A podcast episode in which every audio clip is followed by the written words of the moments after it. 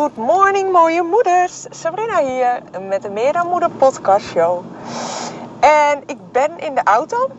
Dus um, misschien hoor je er wat van, misschien niet. Maar dan weet je in ieder geval waar het geluid vandaan komt. Um, en misschien hoor je me ook wel een klein beetje slessen. Want um, daar gaat deze podcast ook over. Ik heb een beugel in. ik heb een bitje in. En um, nou, het zit zo. Ik heb uh, vroeger, 100 jaar geleden, heb ik een beugel gehad. Nou, helemaal mooie rechte tanden. En toen gingen ze zo'n draadje plaatsen bij mijn ondertanden. Nou, een heleboel van jullie zullen dit ook hebben gehad, of misschien nog steeds. Anyway, ik was toen een jaar of 11, 12. En um, nou, dus die beugel was uit, draadje geplaatst, perfect mooie tanden. En echt jaren later, heb ik het echt over, nou, 20 jaar later zeg maar. Op een gegeven moment zag ik dat uh, het tandvlees bij mijn uh, ondertand, één ondertand zeg maar, uh, dat trok steeds meer naar beneden. Nou, ik dacht, oké, dat kan, kan. Ik heb ooit wel eens van die natural whitening tandpasta gebruikt. Nou, dat is dus iets uh, dat wat ik echt iedereen afraad. Maar goed, dat is hele, ja, dat is best wel agressieve tandpasta. En daar trok mijn tandvlees ook een beetje van terug. Dus ik dacht, nou, weet je, het kan van alles zijn.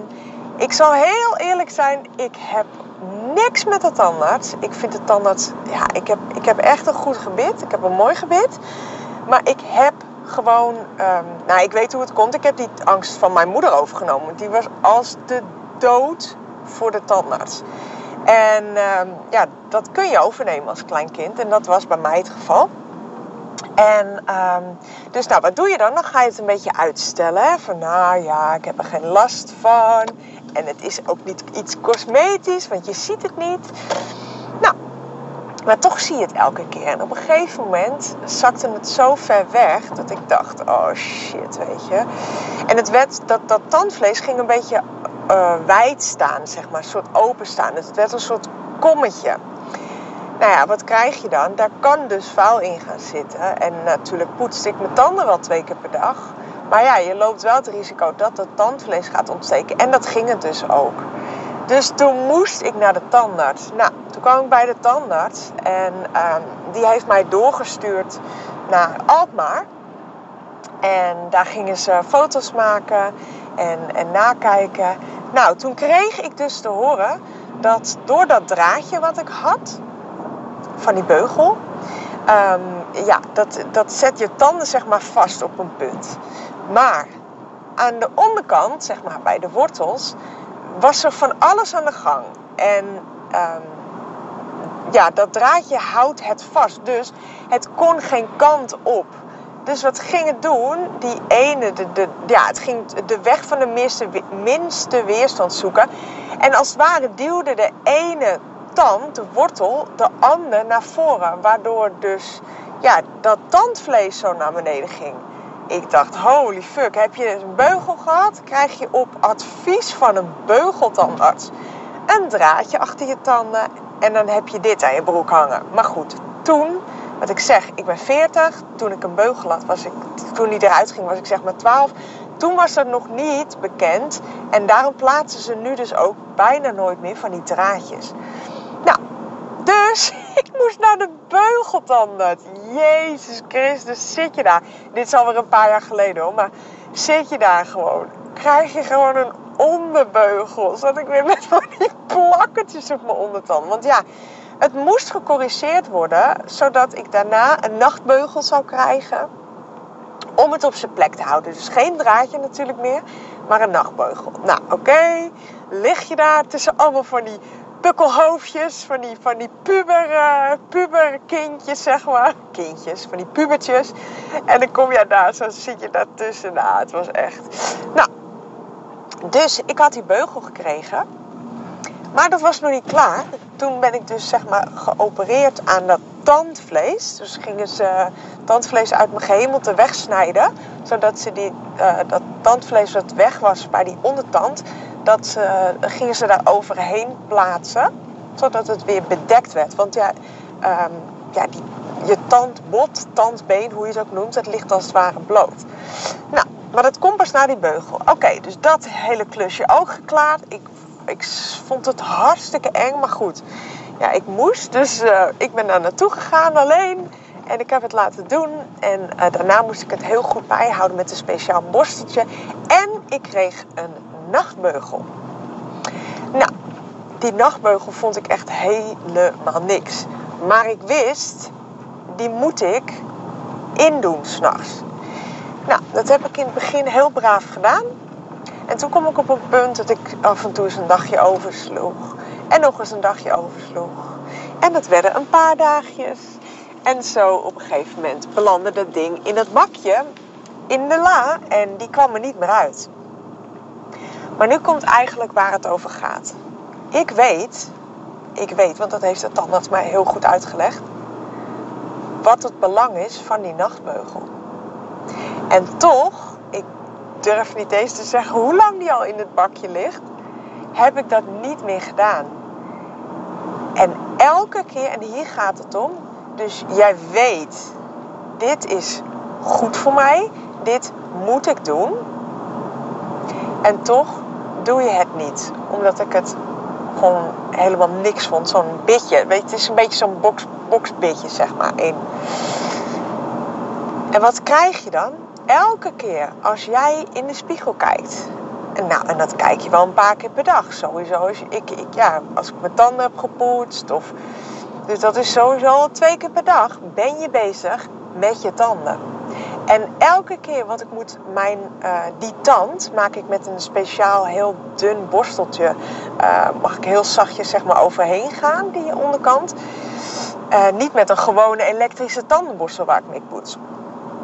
En elke keer, en vooral de laatste tijd, kwam het in me op, Sabrine, je moet die nachtbeugel gaan dragen. Ik zie verschil in je ondertanden nu. Er gebeurt daar iets, doordat je hem al zo lang niet hebt ingehad.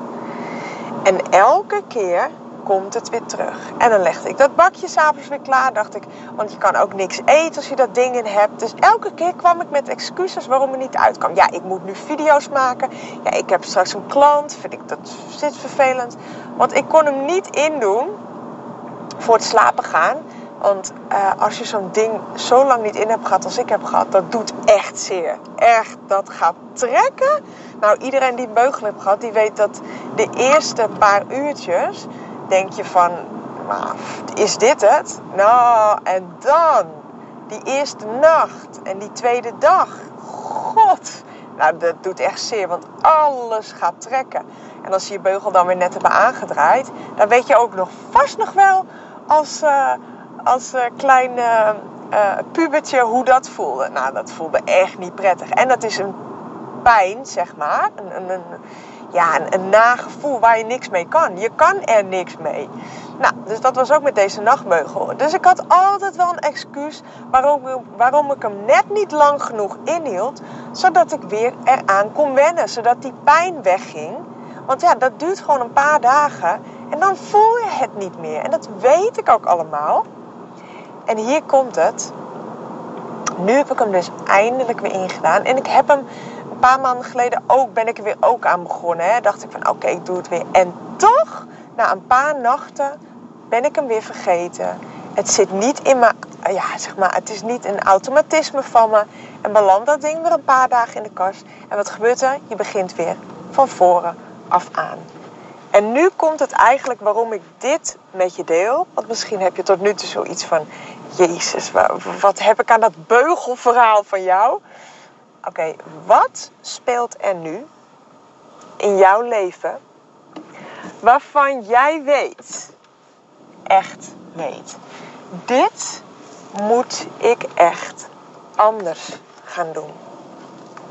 Dit mag ik echt anders gaan doen. Alles in mij zegt, ik moet dit veranderen. Ik weet dat wat ik nu doe, dat dat niet goed voor mij is.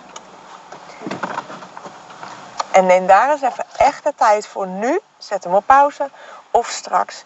En kijk eens echt nu in jouw leven. In je relaties, je financiën, gezondheid, werk, uh, wat dan ook. Wat doe jij nu niet waarvan jij eigenlijk dagelijks eraan her, mooi, herinnerd wordt dat je het wel zou moeten doen? Of dat je iets niet meer zou moeten doen? Of dat je iets anders zou moeten doen? En weet je wat het, het, het hele idee... Ik, ik ben altijd van hè, in een goede energie en alles is energie. Dus als jij je goed voelt, dan ja, uh, creëer je ook mooie, goede dingen in je leven.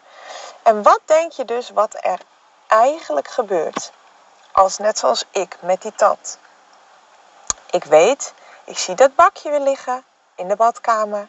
En ik weet, Sabrine, je moet die beugel in doen.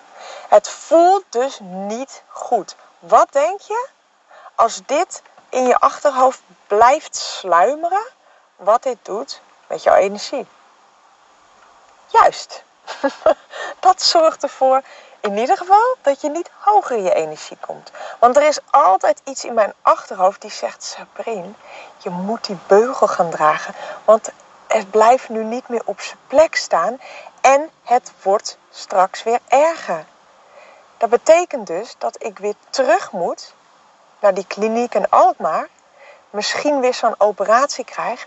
Of ze zeggen van, ja, nou het ergste geval wil ik eigenlijk niet eens uitspreken. Maar als dat tandbeen, als dat te lang bloot blijft liggen, kan het aangetast worden.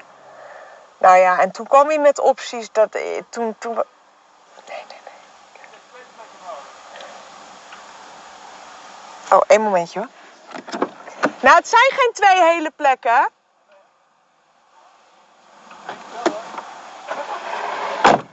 Nou, het zijn toch geen twee hele plekken.